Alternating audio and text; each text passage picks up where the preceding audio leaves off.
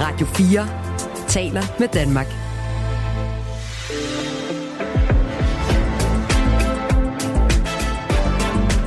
Velkommen til Mandat.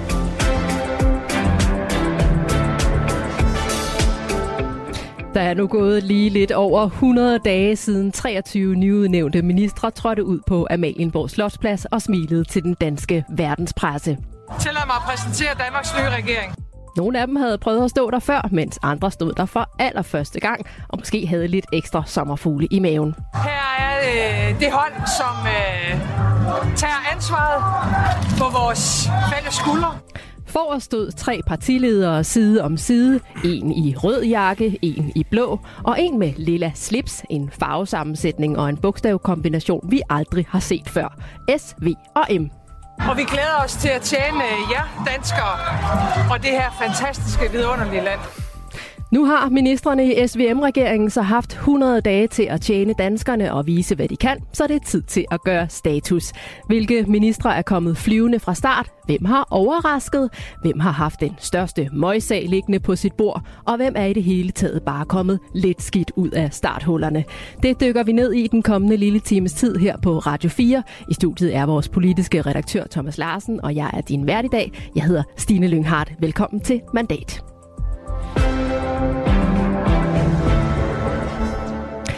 Og vi har også øh, to gæster med os. Velkommen til dig, Benny Damsgaard. Tak for det. Du er politisk kommentator.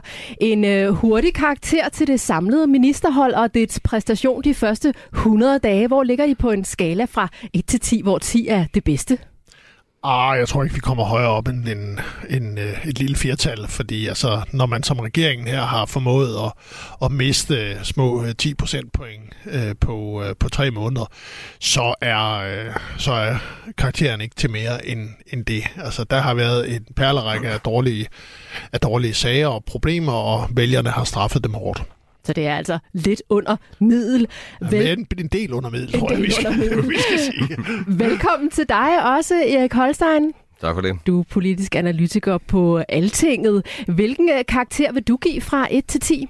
Jeg synes fire er for generøst. Altså, vi skal ned sådan til en to-tre stykker. Hvis jeg, hvis jeg er venlig, så siger vi så her, øh, som indledning til posen, måske et træsal men det, altså med det yderste af neglene. Jeg synes, de har klaret sig elendigt. Jeg synes, deres fortælling øh, er, er brættet fuldstændig sammen. De har forsøgt med en krisefortælling, der overhovedet ikke har øh, vundet genklang hos, hos vælgerne. Øh, Venstre har et øh, stort troværdighedsproblem. med Frederiksens egen øh, brand øh, er brættet sammen. Der, der er simpelthen intet, der er lykkedes for den regering. Øh, de lever sådan på opløb, hvor de selv overviser om, de gør det del fremragende, men det er der bare ikke andre, der mener. Så det er altså op ad bakke et uh, tretal, endte du ja, på. Ja, lad os sige det. Og hvad med dig, Thomas Larsen? Hvor lander du på karakterskalaen fra 1 til 10? Jeg må sige, at Erik han virkelig har fået punkteret boblen for regeringen effektfuld, men uh, han har nogle utrolig solide pointer her. Det må jeg bare uh, give ham uh, ret i, og derfor jeg ligger altså også uh, og, og, og, og lader den rode rundt i nærheden af de, af, de, af de tre, og på nogle felter måske endda lavere, men altså tre tror jeg, jeg ender på. Og det er jo fordi, som uh, både Benny og Erik er inde på, at uh, det er en uh, regering, som nærmest i imponerende omfang altså har skubbet vælgerne væk fra sig, og det hører immer væk med til det politiske politiske fag også, at man altså også får befolkningen med sig i forhold til de reformer og de ting, man gerne vil øh, gennemføre. Så det, er, det har været ret vildt at, at være vidne til. Og så også det her med, at, øh, at det er en øh, grundfortælling, som mangler. Uh, og ikke nok med det, jeg er sådan set også enig i, at uh, det er på mange måder uh, lykkedes, og det her siger med jo i stemmen for Mette Frederiksen, at få smadret sin egen altså politiske grundfortælling her ved uh, indgangen af, af, af den nye uh, regering, og det tror jeg kan gå hen og blive dyrt for hende, og det er også derfor, at vi ser, at det er jo ikke kun Venstre, der bliver straffet meget hårdt i meningsmålingerne efter, kan man sige, det forræderi, som de et eller andet sted lavet i forhold til Blå Blok, og i forhold til det store kursvigte, kursskifte, de lavede, de lavede efter uh, valget. Nej, det er faktisk også Socialdemokratiet, der virkelig taber mange vælgere. Der er altså overordnet set i den grad plads til forbedring de næste 100 dage, kan jeg næsten forstå. Men lad os øh, prøve at se lidt nærmere på de enkelte ministre, og lad os øh, starte med de tre partiledere og deres formkurve her efter de første 100 dage er gået. Jeg kan huske et øh, billede fra, da de tre partiledere præsenterede regeringsgrundlaget, hvor de gik på en række efter hinanden med Mette Frederiksen for os, Jakob Ellemann Jensen lige hælende og Lars Løkke Rasmussen til sidst, og de lignede nogen, der var klar med en genial plan. Næsten som om, at de var Olsenbanden. Kan I huske det billede? Mm. I den ja. Hvis man skal vurdere dem ud fra deres formkurve i dag, vil de så gå i den rækkefølge med Mette Frederiksen som nummer et, Jakob Ellemann Jensen som nummer to, og Lars Løkke Rasmussen som nummer tre, Ben Damsgaard? Nej, øh, så tror jeg, det vil næsten være næsten være omvendt. Det vil i hvert fald være med Lykke som, som værende i spidsen. Han er klart den af partilederne, som, som har klaret det bedst og været i bedst form. Han har været her der alle vegne. Øh, og så har vi så statsministeren som nummer to, som jo ikke direkte er faldet igennem, men som har spillet en lidt mere øh, anonym rolle, og altså, det er næsten unfair at sætte øh, øh, Jacob Ellemann ind i, i den her sammenligning, fordi han har været øh, sygemeldt i så relativt lang tid, som han har. Så, så spørgsmålet er, altså han er sådan lidt uden for nummer i den her sammenhæng, og svært ved at, det er svært at vurdere ham. Øh, det er måske mere relevant at kigge på hans afløser, det kommer vi nok også til at gøre senere, men, men altså det er øh, altså Lykke klart i spidsen, øh, og, og statsministeren, der, øh, der har spillet en rolle, som vi slet ikke har været vant til i, i sidste periode, hvor, hvor det var hende, der var, var førerhunden. Nu er, der, nu, nu er der en, der har gjort hende rangen sted, eller i hvert fald forsøgt på det. Jeg vil godt lige uh, spille et klip for jer med uh, statsministeren fra da Folketinget stemte for afskaffelsen af Storbededag. Når vi øh, i dag øh, med, må man sige, altså et væsentligt overtal af stemmer har besluttet os for, at der skal afskaffes en helligdag, så er det jo på grund af den sikkerhedspolitiske situation, vi står i, og hvor vi kan se, at så langt øjet rækker, der får vi i Danmark brug for at bruge flere penge på forsvar og på vores sikkerhed. Og der er der kommet en regering i Danmark nu, der vælger at hæve ambitionsniveauet, øh, så vi kan passe endnu bedre på Danmark. Og, og det er den beslutning, vi har truffet, og det er jeg glad for, at vi nu har grundlaget for at kunne arbejde videre med. Erik Holstein, hvordan oplever du, at øh, statsminister Mette Frederiksen har klaret sig de første 100 dage? Jamen, som jeg var inde på før, så synes jeg, hun har klaret sig bemærkelsesværdigt dårligt, øh, specielt i, øh, i forhold til, hvordan hun øh, har været tidligere. Jeg synes, hun øh, var utrolig overbevisende i sidste periode. Altså en suveræn statsleder, en af de stærkeste, vi har haft i, øh, i rigtig mange år. Altså man skal i hvert fald tilbage til Anders Fogh for at finde noget lignende. Og, og øh, øh, hun havde netop opbygget sådan en meget stærk brand om sig selv. Øh, en, en, en politisk kombination af en venstre-socialdemokratisk øh, fordelingspolitik og sådan en stram udlændingepolitik, der var meget populær blandt vælgerne. Og så havde hun altså også det, at hun... Øh, Altså, hun formåede at være folkelig på sådan den gode måde, populist på den gode måde, kan du sige, ikke? Øh, hun øh, gav et indtryk af, at hun forstod, hvordan folk tænkte, øh, at man skulle lytte efter øh, det, der var øh, kernen i vælgerkorpset, det har man forsømt tidligere. Øh, og det, hun gør nu, Øh, det der stik modsat, altså øh, det tilnærmer sig arrogance indimellem i forhold til store bededag, så giver jo nærmest udtryk for, øh, at, at folk har slet ikke forstået den store sammenhæng, øh, og at de skal jo være glade for, at de har et arbejde. Og så Altså det er sådan helt, helt off i forhold til sit eget vælgerkorps, og i forhold til vælgerne som sådan. Så jeg synes, hun har klaret sig altså, helt utroligt dårligt i forhold til de potentialer, hun har vist, hun besidder. Så det er simpelthen en helt anden fortælling, hun kommer ud med i dag, eller hvad? Ja, en fortælling, der ikke hænger sammen i forhold til det, øh, det hun tidligere har stået for, og som hun heller ikke kan overbevise vælgerne om. Og, og hele den der kobling mellem Stor Bededag og, øh, og sikkerhedspolitikken, den er efter min mening øh, temmelig søgt, øh, og, og så samtidig så lider den jo også af, at regeringen undervejs skiftede fortælling, fordi øh, det der med Stor Bededag, det skulle i, i første omgang, det skulle bruges til forsvaret, men så skulle det også bruges til noget klima, nogle velfærdsinvesteringer, og så skifter man tilbage til forsvarsforklaring igen og sådan noget. Det har simpelthen været råd på alle ledere kanter, det der. Så der var noget vrøvlig kommunikation. Også det.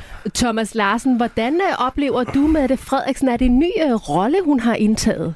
Jamen, jeg er faktisk øh, nærmest en til en øh, enig med, med Erik Holstein øh, her. Det er klart, det hører også med til øh, fortællingen om øh, Mette Frederiksen i, i, i den første øh, regeringsperiode, kan man sige, hvor hun stod i spidsen for sin egen smalle S-regering. Og hun selvfølgelig også altså, splittet, ikke? og der også var voldsom modstand mod hende i nogle kredse, men, men, men, men grundlæggende er jeg enig i fortællingen om, at hun var en meget stærk og overbevisende regeringsleder, og som havde i den grad styr på sit projekt og sin regering, sit hold, ikke? og, og, og bullerede af, af sted.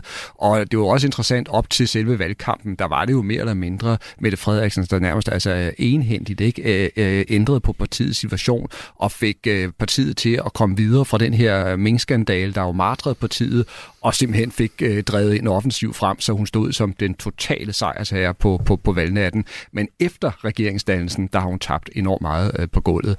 Altså, hvis jeg skal sige det meget skarpt, ikke, så er det klart, det, det vil være en overdrivelse at sige, at hun nu er blevet statsminister i Lars Løkke Rasmussens regering. Ikke? Men jeg kan ikke lade være med at drille lidt med det. Jeg siger det lidt alligevel, nemlig ikke. Fordi det er på en eller anden måde, øh, et, et, et, der er kommet et billede af, at, at hun nu bare er blevet en del af, af, af et markerpar, øh, mm. og hvor Løkke fylder kolossalt meget i billedet. Og tror, har hun lidt svært ved at finde sine ben i det? 100 procent, ja. Også fordi jeg tror faktisk, det har, hun har trives godt med at have ansvaret alene, og, og, og, og selv sætte pejlemærkerne op, og man så må sige, også kunne udstede øh, ordrene. Og pludselig er hun altså fanget i et spil, hvor hun på en helt anden måde både skal inddrage og give plads, og måske også har lidt svært ved, hvordan hun skal styre altså en tidligere statsminister som Lars Løkke Rasmussen, som altså virkelig er en, der tager plads og, øh, og heller ikke giver den fra sig. Så, så kan man sige, hvis lige vil tilføje, altså man kan sige, altså hun, det, det, er jo også præget af, at hun har købt ind på Lykkes projekt. Ikke? Er det altså den der regering, det er jo Lykkes projekt, og, og Lykke siger jo mere eller mindre direkte, at han er da glad for, at Mette Frederiksen nu deler hans analyse. Ikke? altså det, er jo, øh, det, det præger jo også øh, sådan det interne samspil mellem de to, at der er den der forhistorie på det. Benny Damsgaard, er der noget, Mette Frederiksen kan gøre for at fremstå stærkere i det? Ja, så hun kan jo fylde mere, øh, end hun gør i dag.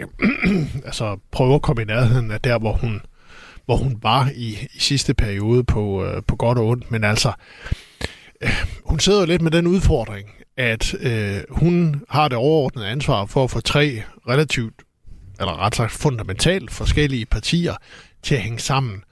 Og det er bare en anden rolle, end når du er en enpartiregering, hvor du kan køre dig ud af med dit eget projekt og, og din, din, egen, øh, din egen politik, og så kan det være, at du får flertal for det, kan være, at du ikke får flertal for det, men, men der er i hvert fald aldrig tvivl om, at du som, kan man sige, som statsminister og som formand for Socialdemokratiet står for. Det er en anden situation nu, hvor hun har ansvaret for at få en koalitionsregering til at, at, at hænge sammen, og en regering kan ikke have forskellige synspunkter på spørgsmål. De er nødt til at mene én ting, som så er aftalt i en eller anden form for, for kompromis internt. Og der er det bare, altså, hvis man kigger historisk set på det, de statsminister, som har været gode til at, at få koalitionsregeringer til at hænge sammen. Poul Slytter var kendt for at være det i starten af, af 80'erne under BK eller under Firkløver-regeringen. Der sagde han for eksempel til de konservative ministre på det tidspunkt, at hvis der kommer konflikt mellem øh, jer og en af ministerne fra de andre partier, så kan man sige, så tager jeg de andre partiers øh, position, så er det ikke jer, der kommer til at, øh, at få ret det gav stor ballade internt i det konservative folkeparti på det her tidspunkt, men, men det gav også en, en, en, øh, en enhed og en harmoni i øh, firekløverregeringen, som, ja, som kostede øh, hos de konservative, men som gavnede regeringen. Og langt hen ad vejen er det jo nok det, man ser lidt med den nuværende statsminister i, i, i den nuværende SVM-regering, hvor hun er nødt til at trække sig lidt tilbage øh, som socialdemokrat, og så være mere SVM-statsminister for at få tingene til at hænge sammen. Og Erik Holstein, hvad så med Jakob Ellemann Jensen? Altså, han havde jo nok drømt om en anden start, end han havde fået. Ja, det må man sige. Altså, til starter man med, at han vælger forkert, vil jeg mene. Altså, det, den der forsvarsminister for os, altså, man kan godt øh, argumentere for at den ligger godt til ham, og det er hans store interesse og sådan noget, men men altså, der er altså et eller andet, øh, der skuer i, øh, i ørerne, ikke? når man ser, at Lykke øh, agerer, som man gør på udenrigsministerposten. Lykke, der havde regnet med, at de andre havde nappet udenrigsministerposten, han aldrig nogensinde ville komme i nærheden af den. Ikke? Og så bliver den så til års, fordi Jacob Ellemann øh, højst usædvanligt ikke vil have den, og så en lavere rangerende post. Øh, og, og selvom øh, Forsvarsministeriet er øh, meget brandvarmt i øjeblikket, så mener jeg, at selve valget var forkert. Øh, og så synes jeg i øvrigt, at med den kort tid, han øh, formåede at... Øh, være på posten, synes, synes jeg heller ikke var særlig overbevisende. Altså, Hvorfor ikke? Jamen, fordi jeg synes, at, at, at jeg synes, han har haft en lidt underlig tilgang til, øh, til noget af det, som er sådan... Øh, Altså, man forventer lidt højere niveau for en forsvarsminister, fordi på den måde. For eksempel øh, beskrev han øh, øh, krigen mod Rusland som kamp mod ondskaben. Altså, det er sådan noget, der hører hjemme i Star Wars, ikke? Eller som Ronald Reagan kunne finde på i et af sine mere primitive øjeblikke, ikke? Altså, øh, altså man, jeg synes ikke, der, er, der har været sådan en, en, en ordentlig analytisk øh, tilgang til området, som man kunne forvente af en forsvarsminister. Øh, men altså, nu er det klart, nu fik han meget kort tid til, til at agere på posten, øh, men, men øh, jeg, jeg synes ikke, der er meget, der tyder på, at, at øh, det bliver en succeshistorie derfra. Og som du selv siger, så øh, valgte han jo selv øh, forsvarsministerposten. Det kom jo som en overraskelse for mange, men som man selv sagde, så er det altså et øh, område, der interesserer ham.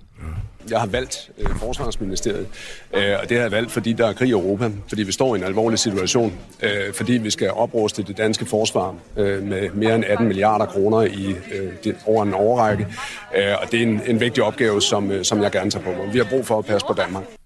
Thomas Larsen, hvad har det betydet både for Forsvarsministeriet, men jo i den grad også for Venstre, at partiet så tidligt blev ramt af den her sygemelding?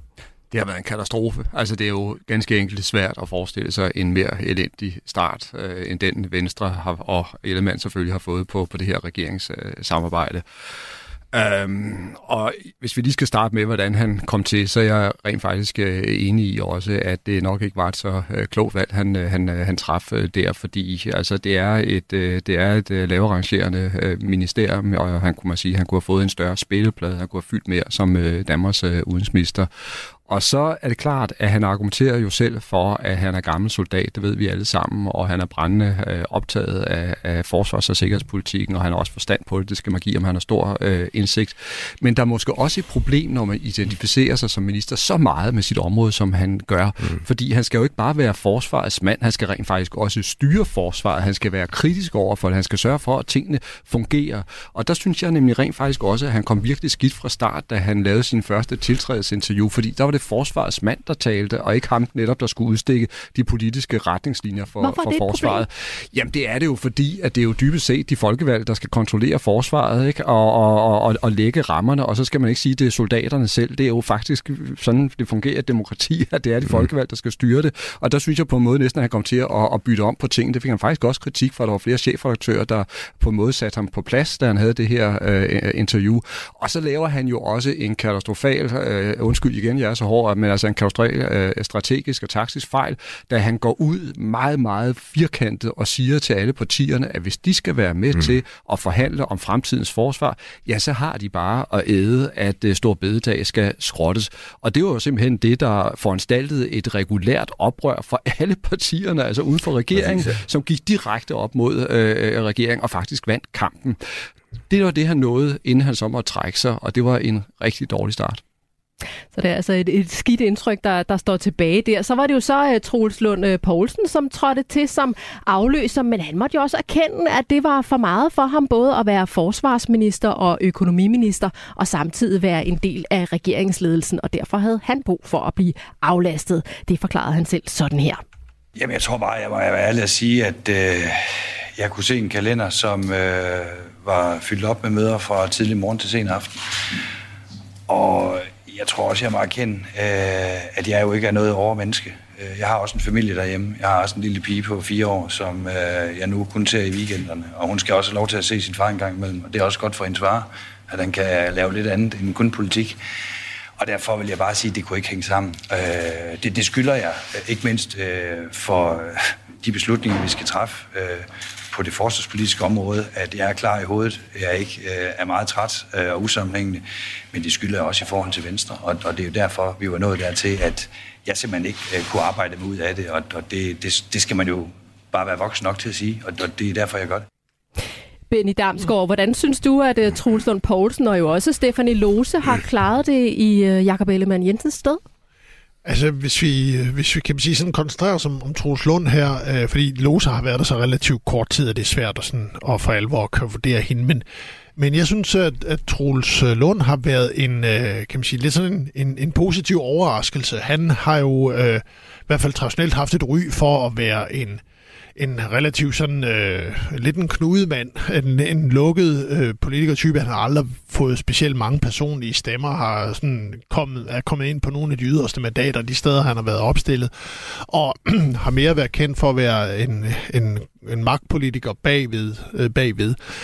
Nu er han, øh, synes jeg i hvert fald, øh, trådt mere frem og mere i karakter og og, øh, og jeg synes, der i hvert fald i det tilfælde af, at Jacob Ellemann ikke kommer tilbage, er der i hvert fald ikke ret meget tvivl om, at det bliver Troels Lund, der kommer til at overtage det, sådan som situationen ser ud nu.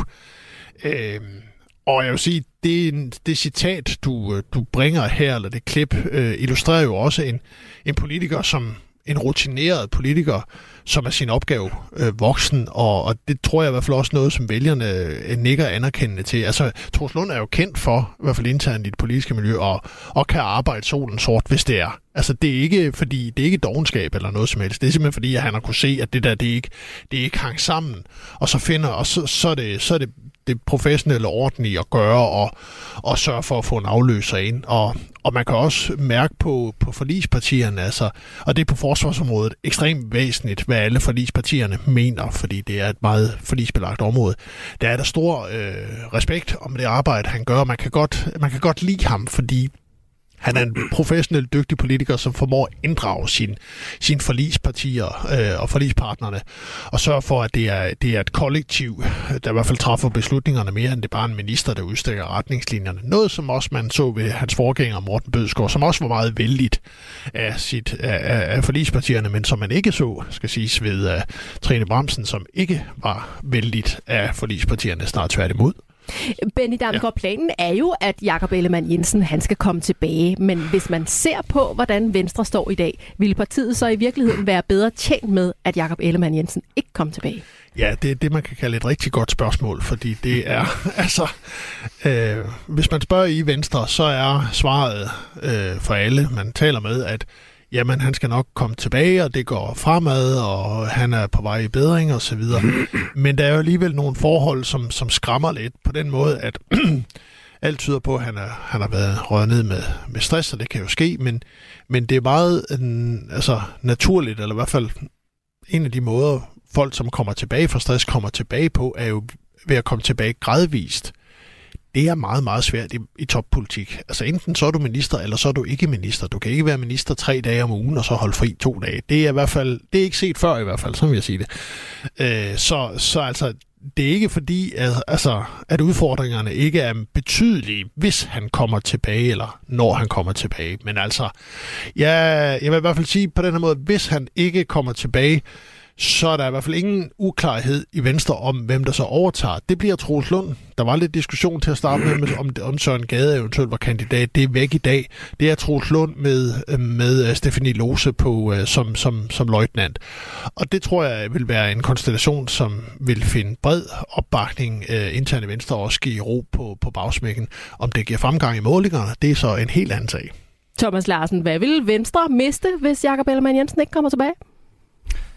Ja, der bliver jeg nødt til at gentage, hvad Benny sagde før. Det er et rigtig godt øh, spørgsmål, ikke? fordi det er selvfølgelig klart, at det vil være et øh, meget, meget vanskeligt øh, tidspunkt at skulle skifte formand på, og der vil også være en, en stor risiko forbundet med det, ikke? fordi det er Altså, det er en ulykke, der, der, der, der, der er sket. Det er ikke noget, der er, er planlagt, ikke? og de er ekstremt øh, trængte, øh, og de, altså, som er mindre de øh, går ud af regeringen, tror jeg ikke, de gør, altså, så, så, så venter der simpelthen et, et, et svært træk øh, foran dem. Men det er også klart, hvis man ser nøgternt på Ellemann, så må man godt nok sige, at det er svært at få øje på sejrene. Og det er jo lige fra, altså han kommer til, hvor han slet ikke lykkes med at manifestere sig som øh, leder, altså blandt de øvrige borgerlige partiledere tværtimod, så får han jo aldrig skabt den tillid og den samhørighed, der skal til. Man kan sige, at det var også svært, men det lykkes i hvert fald ikke. Han laver nogle, øh, nogle øh, fløterier, kan man sige, med de radikale, som var øh, helt forkerte, og som han også måtte løbe væk fra i, øh, igen. Han har måttet vinke farvel til altså jo en helt stribe af markante øh, venstrefolk, også nogle af dem, der skulle bygge videre på partiet. Uh, han har set altså to fremtrædende venstrefolk, Løkke og Støjberg, bygge nye partier på hver side af partiet og få, og få kæmpe succes med det. Uh, han taber valgkampen med et brag for uh, Venstre halveret, uh, og så laver han så det her store løftebrud, som gør, altså, at selv mange af hans egne er dybt skeptiske. Så det er, synes jeg, faktisk lidt en politisk lidelseshistorie, vi ser øh, på her, og som har bragt Venstre ned på et, øh, et historisk lavpunkt i, i meningsmålingerne. Og derfor mener jeg også, at det her det er sådan set ikke kun et spørgsmål om, hvorvidt Jakob Ellemann Jensen har føler sig fit for fight, sådan rent fysisk og mentalt til at komme tilbage, når han skal træffe den afgørelse. Det handler faktisk også om, at han bliver nødt til virkelig at se kritisk på sig selv og, og, og, og spørge sig selv om, jamen altså, har han det, der skal til for at rejse partiet fra det sted, det befinder sig i dag. Der er ingen tvivl om, at det bliver ekstremt vanskeligt. Erik Holstein, vil Troelsund Poulsen være en god afløser for Jakob Ellemann Jensen, hvis han ikke kommer tilbage som formand? Nej, ikke rigtigt. Altså, fordi øh, jeg er sådan set enig med, øh, med Benny i, at, at, at Troels er rigtig god som, øh, som minister rent faglig. Altså, du kan sætte ham ind i de fleste ministerier, tror jeg, det går fint. Han er en, øh, en glimrende forhandler, han er øh, ganske rigtig utrolig flittig, han har styr på sit stofområde og sådan noget. Der er ikke noget at komme efter der. Men at se ham som forgrundsfigur, øh, det tror jeg godt nok ikke hører særlig godt. Altså, fordi det er jo rigtigt, han, er, han har jo stået sådan øh, i aneglæde. Han har været en rigtig god løjtland, en chefforhandler bag kulissen og så videre.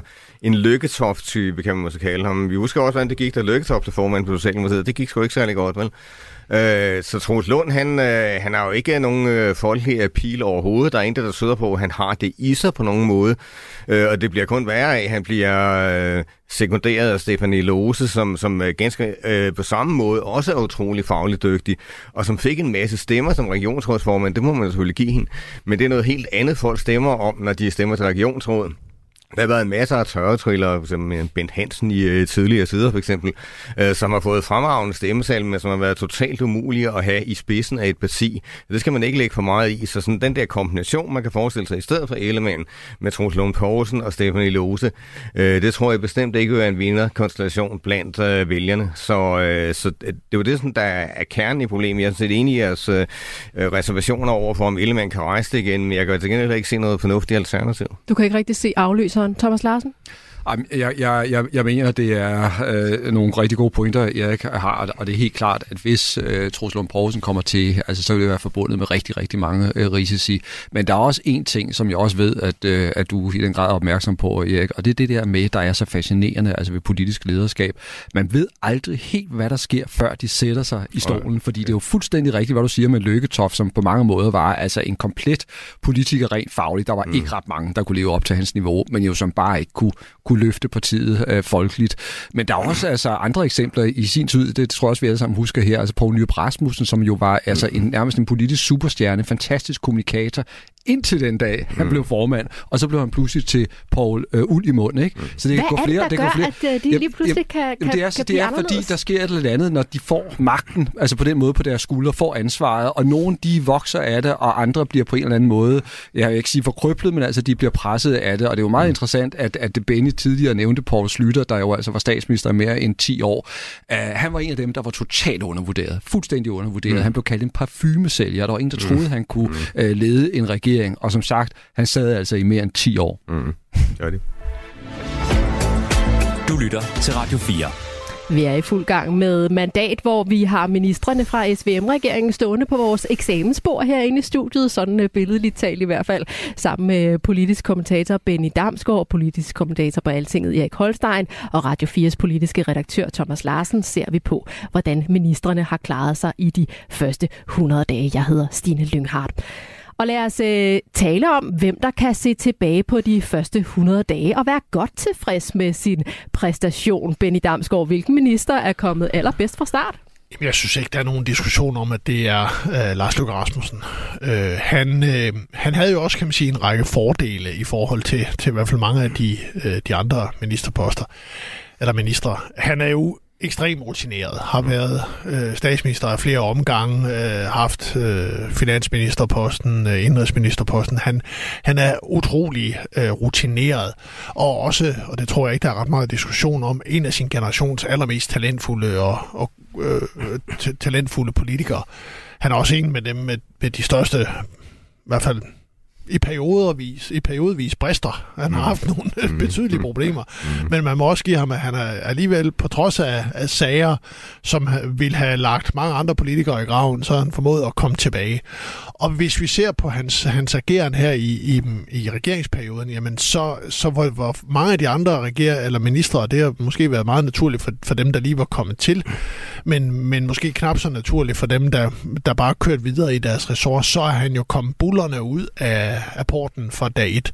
Han har været i Ukraine, han har været i USA, han har været i München til sikkerhedskonference, han har været stort set uh, her der alle vegne og vel at mærke her, der er alle vegne på andre områder, end det, der reelt set er hans eget. Mm. Hvad skal det sige? Jo, men altså han, altså, han har været meget, meget, meget aktiv på hele Ukraine-spørgsmålet. Mere end man umiddelbart øh, skulle mene var naturligt for en, en udenrigsminister, når man også ser på, at der er en forsvarsminister, som det her område på mange måder hører hjemme under hele våbendonationsproblemstillingen, og også statsministeren, som traditionelt har fyldt på, på det her område også. Så han har, kan man sige, han, og han er jo også, men altså, det må man give ham, det lykkedes ham jo også i forbindelse med regeringsforhandlingerne at få forhandlet flere ressourcer hjem til sit ministerium, mm. og det bliver man bare populær internt i sit eget ministerium, og så arbejder hans folk ekstra meget for ham, og, og han har udpeget nogle gode rådgivere. Så altså, det er, altså, øh, det, det er svært at sætte en finger på, på lykke. Øh, det skulle så lige være måske hans håndtering af Jon Steffensen-serien, men det er mere hans rolle som på partileder for Moderaterne, og der har han simpelthen også gjort det ganske fornuftigt på, på, på mange måder. Måske ikke helt til UG og krydseslange som hans ministergærning.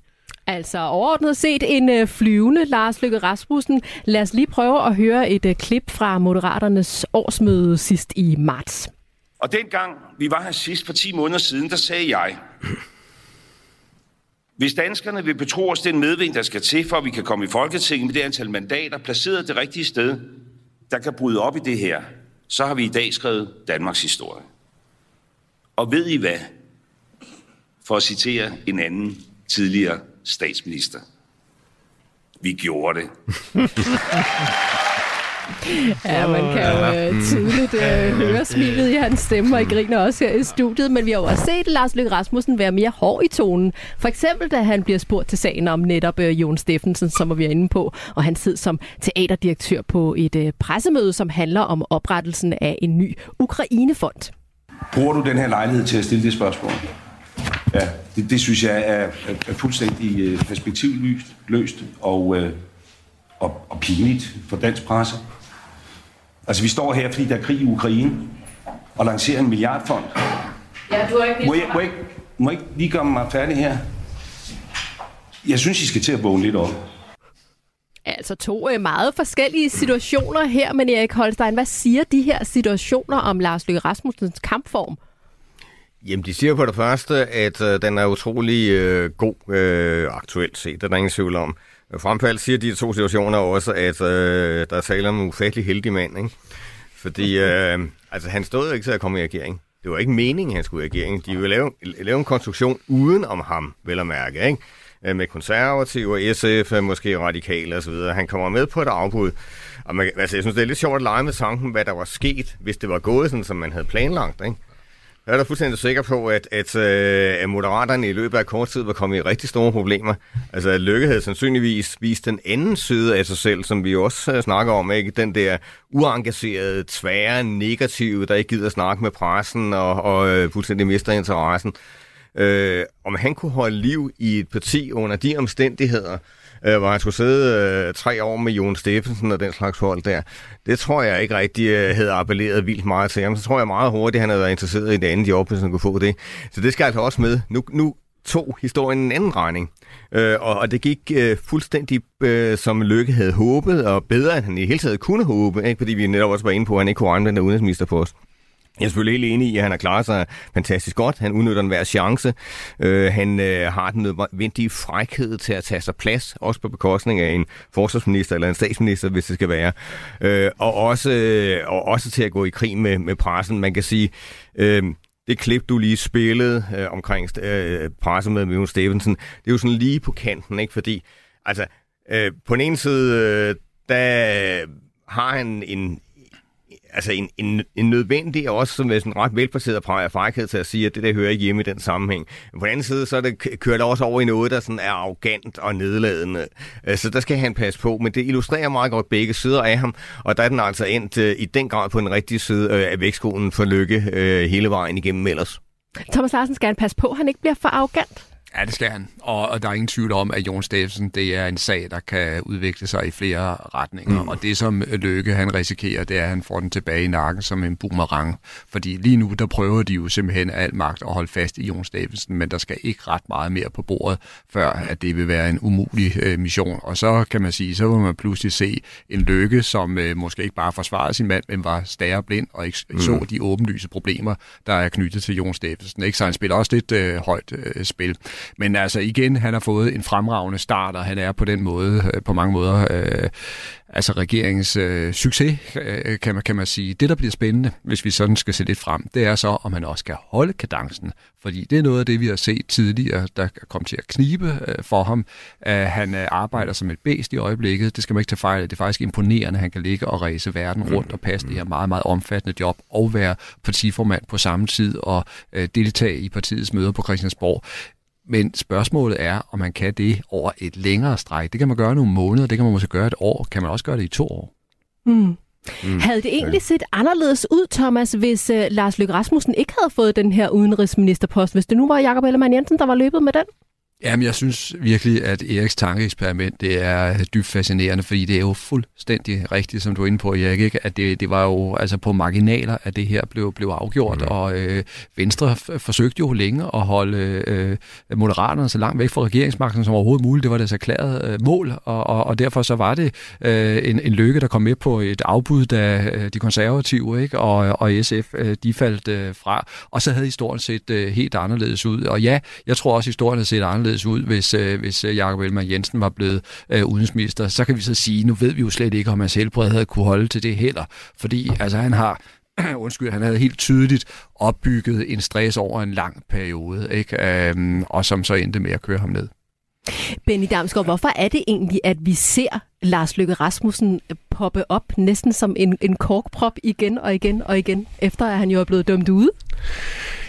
Ja, men altså, det, det er jo det er jo fordi, han, han grundlæggende set bare er en dygtig politiker, og, og, og så er han så også heldig, og det er jo, øh, det er jo ikke en uvæsentlig del i det at være en dygtig politiker, fordi øh, i, i politik, så, så handler det altså også, så, så skal omstændighederne jo flaske sig øh, på den rigtige måde, for eksempel, som, som Erik sagde i forbindelse med, med valgresultatet, og, øh, og der har han bare øh, været heldig øh, i nogle, øh, øh på nogle helt øh, tone, eller på nogle helt rigtige tidspunkter.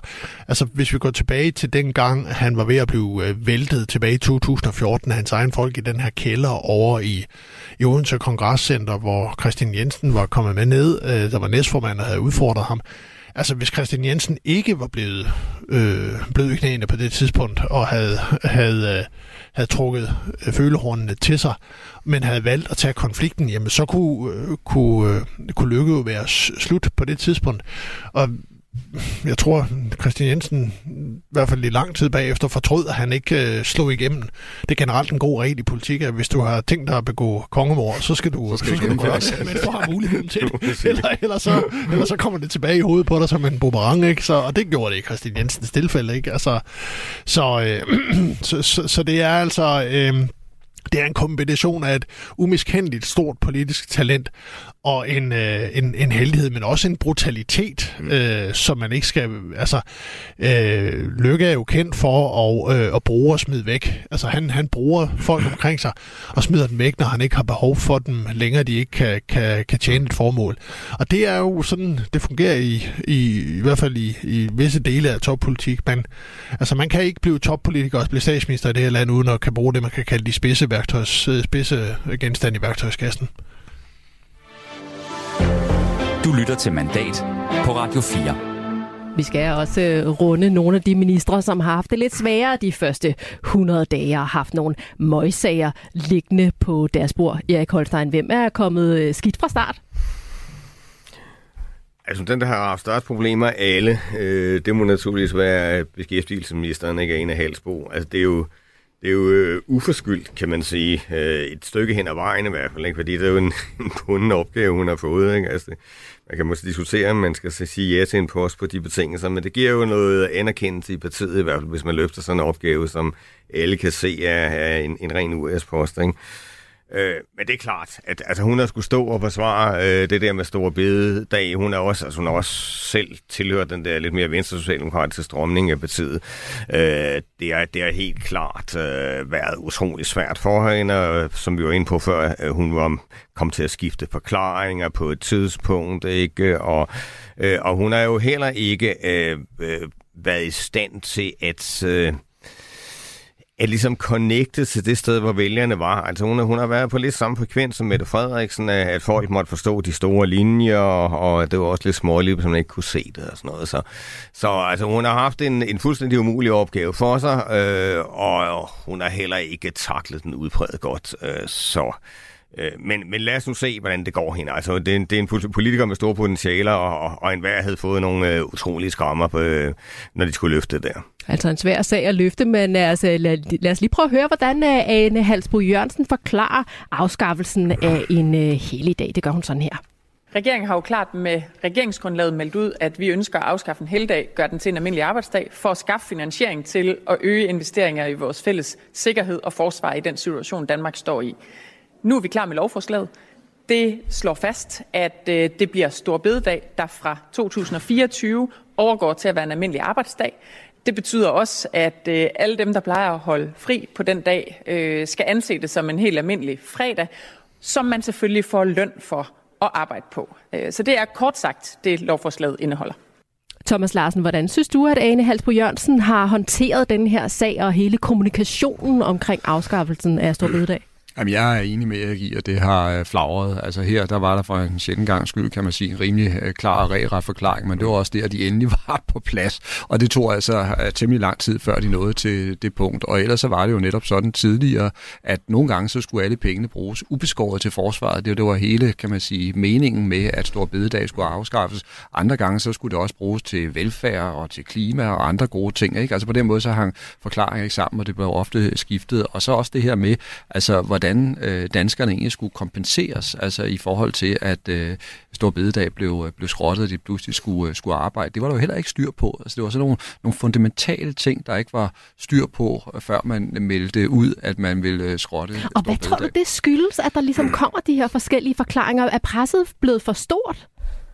Nej, altså det kan godt være, at det er en meget naiv forklaring, jeg kommer med nu, men jeg tror faktisk, den er rigtigt, også efter at have talt med en hel del af de folk, der var med til at skabe den her regering. Jeg tror simpelthen helt banalt, det er undervurderet i offentligheden, hvor trætte de var. Altså det var nogle toppolitikere, der havde været igennem en benhård valgkamp, ikke? Altså, som i realiteten straks sig tilbage til sommeren. Ikke? Og så dernæst, så havde øh, den her gruppe, der skabte regeringen, jo også været i gang med Danmarks historiens længste forhandlinger. Der kørte altså morgen, middag, øh, aften, øh, og de øh, da de sådan var kommet til vejs øh, øh, ende, øh, så var de udmattede. De var også enormt glade, fordi de syntes simpelthen, at de havde skabt altså et, et, et, et stort øh, politisk... Øh, Øh, jeg har skrevet politisk historie, kan, kan man sige, ikke? og så gik de faktisk på juleferie og, og, og var mm. dødeligt udmattet. Og mens de gjorde det, så begyndte Stor Bededag-sagen at rumle, og så havde de slet ikke styr på den. Jeg mener faktisk, det var det, der skete. Så de skulle lige op øh, på beatet igen? Det kan man roligt sige, og de var bagefter. Og det var jo ikke mm. kun Ane Halsbro Jørgensen, der var ude i nogle forklaringsproblemer i forbindelse med afskaffelsen af Stor Bededag. Det var forsvarsminister Jakob Ellemann, jo, Ellemann Jensen jo også, som vi har været inde på, da han gav Folketingets øvrige partier en uge til at acceptere afskaffelsen af Stor Bededag, hvis man ville med til forhandlingerne om et kommende forsvarsforlig. Det var ikke noget, der faldt i god jord hos for eksempel de konservative Søren Pape Poulsen. Det her det handler kun om, hvorvidt regeringen ønsker at ekskludere en masse partier fra begyndelsen af, øh, eller ej. Det kan jo være, at vi alle sammen i Folketinget kan blive enige om at sige nej tak til den sammenkobling. Vi vil ind og forhandle forsvar uden øh, de bøllemetoder der. Det, det, det gør vi simpelthen ikke. Og så blev Jakob Ellemann Jensen og SVM-regeringen beskyldt for at være magtfuldkommen, hvilket han dog ikke selv mente var tilfældet. Vi har bullet mod magtfuldkommenhed, fordi vi mente, at når man er en mindretalsregering, så skal man også lytte til andre end sig selv. Det havde vi mange diskussioner om, skal jeg hele sige, den forgangne valgperiode. Men undskyld, det, det kan ikke være magtfuldkomment, når et politisk flertal anvender sit flertal til at føre sin politik. Det er den parlamentariske virkelighed. Benny Damsgaard, hvordan synes du, at øh, Jakob Ellemann Jensen han håndterede den her situation? Altså, han endte jo med at måtte trække i land, øh, fordi han havde bevæget sig alt for, for langt væk og, og ud af en tangent. Øh. Og den her, altså rent formelt har han jo ret med, at, øh, at et flertal i Folketinget kan jo vedtage det, øh, det, det har lyst til i bund og grund, så længe det er inden for grundlovens rammer, så, så, så kan, de jo, kan de jo gøre det.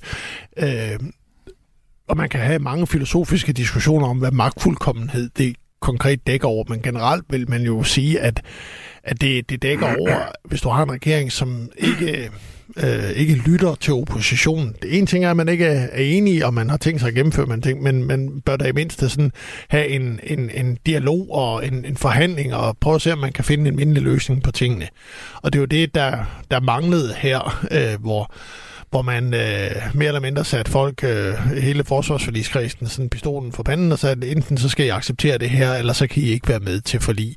Og traditionelt har forsvarsforlig jo været meget, meget brede størrelser. Det er jo næsten alle folketingspartier på der, S eller på der enhedslisten og Alternativet, som øh, i dag ikke er medlem af forsvarsforliget eller håber på at blive det.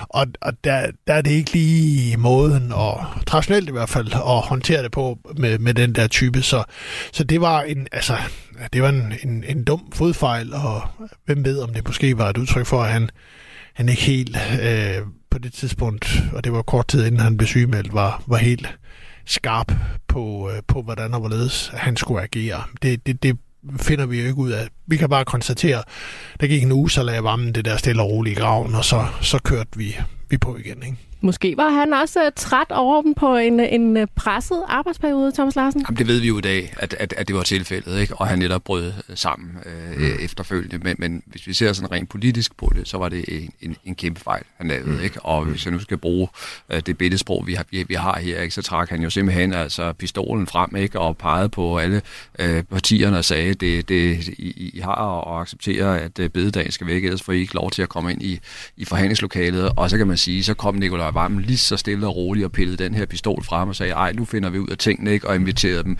øh, ind til møder i Finansministeriet, og så blev Ellemann lige så stille og roligt simpelthen sejlet ud på, på sidelinjen. Det var også et autoritetstab, vi var vidne til der. Du lytter til Radio 4. Det her er mandat. I studiet er politisk kommentator Benny Damsgaard, politisk kommentator på Altinget Erik Holstein og Radio 4's politiske redaktør Thomas Larsen er også, og jeg hedder Stine Lynghardt. Og vi er i fuld gang med at evaluere ministerne i SVM-regeringen her efter de første 100 dage. Og vi skal også have kåret et stjerneskud på SVM-regeringens ministerhold, om der er en, der har overrasket positivt. Er der en, der har overrasket dig, Erik Holstein? Ja, jeg vil faktisk sige, uh, vores nye klimaminister, som jeg dårligt nok kendte navnet på, før han blev udnævnt til minister, altså Lars Aargaard, altså for Moderaten. øh, jeg synes, han har klaret det øh, usædvanligt godt. Altså, det er jo ikke fordi øh, regeringens øh, klimapolitik er øh, ligesom øh, hævet over al kritik, tværtimod for den mange hug, men, øh, men jeg synes, han har en anden øh, teflon beklædt stil, øh, og, og jeg synes, han er en utrolig god øh, kommunikator. Jeg synes, det er øh, imponerende i betragtning af, at han er helt uprøvet i, øh, i det politiske spil. At han kan komme ind for sidelinjen og, øh, og tage det sådan fuldstændig straight. Øh, så, så det vil jeg sige, hvis jeg kan pege på en, der sådan man ikke havde nogen forventninger til forvejen, som alligevel øh, har formået at brænde igennem på, på ret kort tid, så, så, vil jeg, så vil jeg nævne ham. Og prøv at sætte lidt flere ord på, hvad det er, du synes, han har gjort godt. Du siger, han er tef- teflonbeklædt. Hvorfor er det specielt godt? Jamen, det er det jo, fordi at, at øh, altså, denne her regerings klimapolitik, ligesom de tidligere regeringers øh, klimapolitik, altså den, der bliver, altså, de bliver jo altid de her år kritiseret for ikke at være tilstrækkeligt øh, ambitiøse, ikke øh, øh, regeringen fik kritik fra, fra Klimarådet for kort tid siden, ikke? fordi man havde svært med at nå øh, sine egne ambitioner. Øhm, der var øh, helt generelt en, en kritisk rapport fra FN's øh, klimapanel, der, der ligesom lagde op til øh, højere ambitioner sådan worldwide. Ikke? Øh, så det er ikke så let at, at stå øh, som klimaminister og skulle sige, jamen altså, øh, vi, lavede, vi har nogle ting i, i støbeskeen, det var noget tid, før de kommer til at virke, uden at blive myrdet fuldstændig på det. Ikke? Altså det, det er jo en meget sårbar position. Der, der er jo en meget aktiv klimabevægelse stadigvæk, og der, undskyld, der er mange vælgere, der, der, der virkelig har det så meget øh, høj prioritet, at man kan meget lidt øh, blive set som minister for en syltekrukke. Men det synes jeg faktisk, at han, han har undgået. Jeg synes, han, han øh, har formået at, at fremstå sig en, der, der gerne vil det der ting, og, og øh, øh, sådan lidt, øh, ja ja, ro på, vi når over det. Og det, det, det er meget godt gjort. Det er ikke sikkert, at han er ret i, at man over det. Det, det er ikke sikkert, det går så godt, som han øh, håber, det gør. Men, men øh, rent øh, kommunikativt har han i hvert fald løst opgaven forbedeligt. Thomas Larsen, har Lars Ågaard også imponeret dig?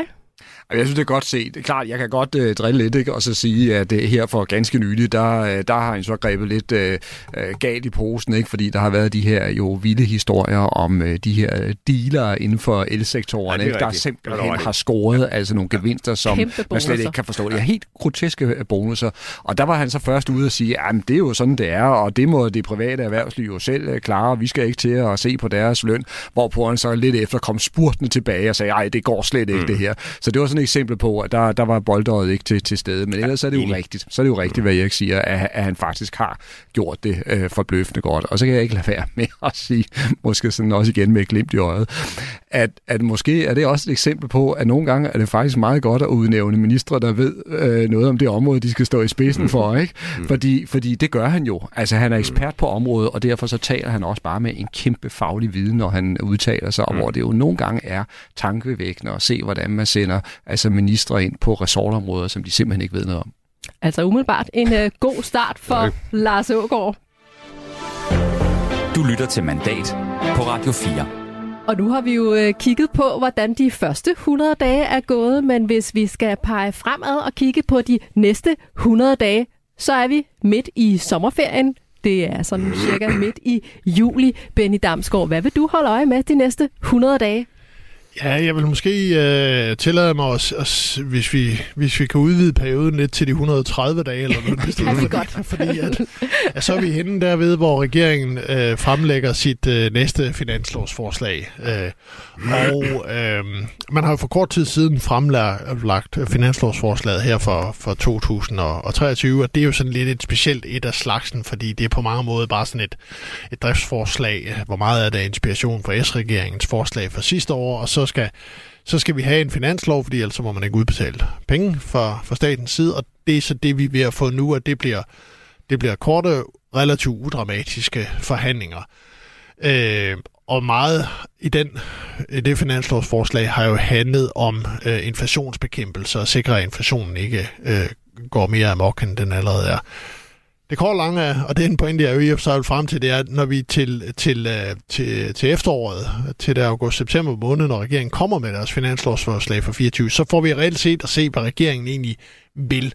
Og så finder vi ud af, øh, om øh, hvordan den her regering har, har tænkt sig for alvor at agere og også om den har tænkt sig at gå offensivt til de målinger, som på nuværende tidspunkt hænger gevaldigt i bremsen. Altså, som vi var, vi var inde på indledningsvis, så, så er man jo 10 procentpoint nede på nuværende tidspunkt. Man ligger, hvor man havde et flertal et godt flertal, da, da, da de startede, så er man nede omkring 40 procent på nuværende tidspunkt. Så altså, der er bare, det, det, det er en, en meget, meget svær periode, de står overfor, og, øh, og, og det hele, kan man sige, øh, får lidt en kulmination i forbindelse med finanslovsforslaget øh, til, til august, hvor vi kan se, hvordan regeringen for alvor vil forsøge at komme ud af morasset. Så det glæder du dig til at se, Erik Holstein. Hvad tænker du bliver afgørende for, eller hvilke sager eller hvilken minister bliver afgørende for, om regeringen får vendt det billede, som lige nu ikke ser specielt godt ud? Jeg tror, at den øh, stakkels øh, Ene Halsbo øh, får flere problemer. Altså, jeg synes, at noget af det, der tror regeringen allermest i den kommende tid, det, øh, det opgør der på vej om seniorpension og seniorjobordning. Det er ekstremt farligt for Socialdemokraterne. Altså, man skal huske på, at øh, Mette Frederiksen fik sin valgsejr i 2019 på ryggen af Arne-ordningen, hvor hun ligesom genopfandt Socialdemokratiet som et velfærdsparti. Altså her, hvor man nu gør det stik modsat, at man forringer nogle ordninger, for, øh, til med for nogle nedslidte personer også. Altså, det, det kan ende fuldstændig galt. Altså, det, det er lige så giftigt for dem som store bededag, og det kommer umiddelbart efter. Øh, så altså, det, jeg synes, der er absolut intet, der tyder på, at, øh, at det bliver bedre for i hvert fald Socialdemokraterne her i, øh, i de næste måneder. Øh, så jeg er meget spændt på at se, hvordan de vil takle det der, om, om, om de ruster sig bedre til det, eller hvad de har tænkt sig at gøre ved det, øh, så de ikke kommer ind i, i endnu en katastrofe. Thomas Larsen, man siger jo, at øh, de første 100 dage, det er jo der, hvor man ligesom skal have tid til at sætte sig ind i stoffet. Og selvom de selvfølgelig ikke får helt ro til bare at sidde og læse op på lektien, har du så nogle andre forventninger i de kommende 100 dage i forhold til de første 100 dage? Jamen, jeg er faktisk meget enig med, med Erik i, at øh, Socialdemokratiet de står i nogle politiske kampe nu, som kan gå hen og blive meget, meget farlige partiet, fordi det handler simpelthen om, om hvad Socialdemokratiet er for et parti, og mm. hvordan vælgerne ser helt grundlæggende ser på partiet. Øh, og jeg har jo rent faktisk selv skrevet bog om Mette Frederiksen, altså også hvor hun udviklede øh, den politiske platform, som blev meget, meget succesrig for partiet, og det er jo sådan set den, hun er ved at skyde i stykker selv, hvis man skal være meget kritisk, og det kan komme med en, øh, med en, en høj pris, så det bliver interessant at se, hvad der sker her i de næste måneder. Men så synes jeg også, Benny han har en interessant pointe, der handler om, at, øh, at øh, måske så skal de netop prøve til efteråret at, at lave altså en genstart, groft sagt, af, af, af regeringsprojektet, og det er ikke sikkert, at de kommer flyvende fra start, det tror jeg ikke, men altså de skal et eller andet sted prøve at få skabt en, en, en ny begyndelse. Og noget af det, der jo bliver interessant ved den, øh, til den tid, det er jo, at der skal det simpelthen være afklaret selvfølgelig, om Ellemann er tilbage, eller om man ikke er tilbage. Med andre ord, der skal vi simpelthen se det ledelseshold, der skal stå i spidsen mm. for regeringen fremover. Og jeg tror, det vil have en vis effekt, når det ligesom bliver afklaret. Altså, hvad er det for tre herrer og damer, der skal stå i spidsen for regeringen? Og så kan de netop med en øh, finanslov begynde at lægge an til nogle nye politiske prioriteringer, som måske også vil falde i lidt bedre jord øh, hos vælgerne, og det har de brug for. Vi kan jo mødes her igen om 100 øh, dage og evaluere, eller 130, Benny, ja. og evaluere ministerne igen. Lad os sætte et uh, kryds i kalenderen. Her og nu sætter vi et punktum for denne udgave af Mandat. Tak til vores gæster, Benny Damsgaard, Erik Holstein og til dig, Thomas Larsen.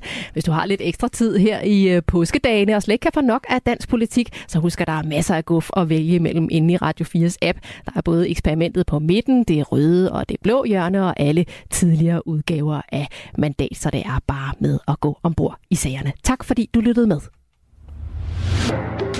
Radio 4 taler med Danmark.